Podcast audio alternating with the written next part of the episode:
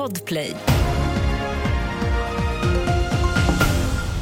Vi börjar med att tre personer har anhållits efter explosionen vid ett radhus i Nacka öster om Stockholm sent igår kväll. Två av de anhållna är under 18 år. Flera personer ska ha varit i huset men ingen ska ha skadats.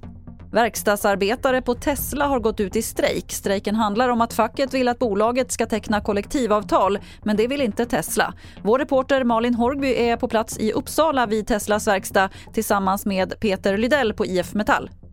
Vid åtta så skulle verkstaden öppna här men istället så står det strejkvakter utanför verkstaden.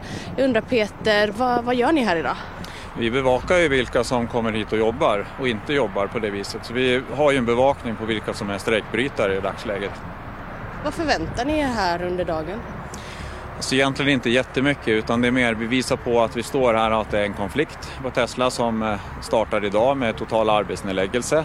Och vi, vi förväntar oss egentligen att samtliga går, går ut i arbetsnedläggelse. Och till sist kan vi berätta att SMHI har en gul varning ute för snöfall som kan orsaka trafikstörningar i Dalsland och Bohuslän. De varnar för halka, snömodd och dålig sikt. Snön väntas falla natten till imorgon fram till lördag kväll och SMHI säger att det är bra att hålla sig uppdaterad om man ska ut i trafiken. Fler nyheter finns på tv4.se. Jag heter Lotta Wall.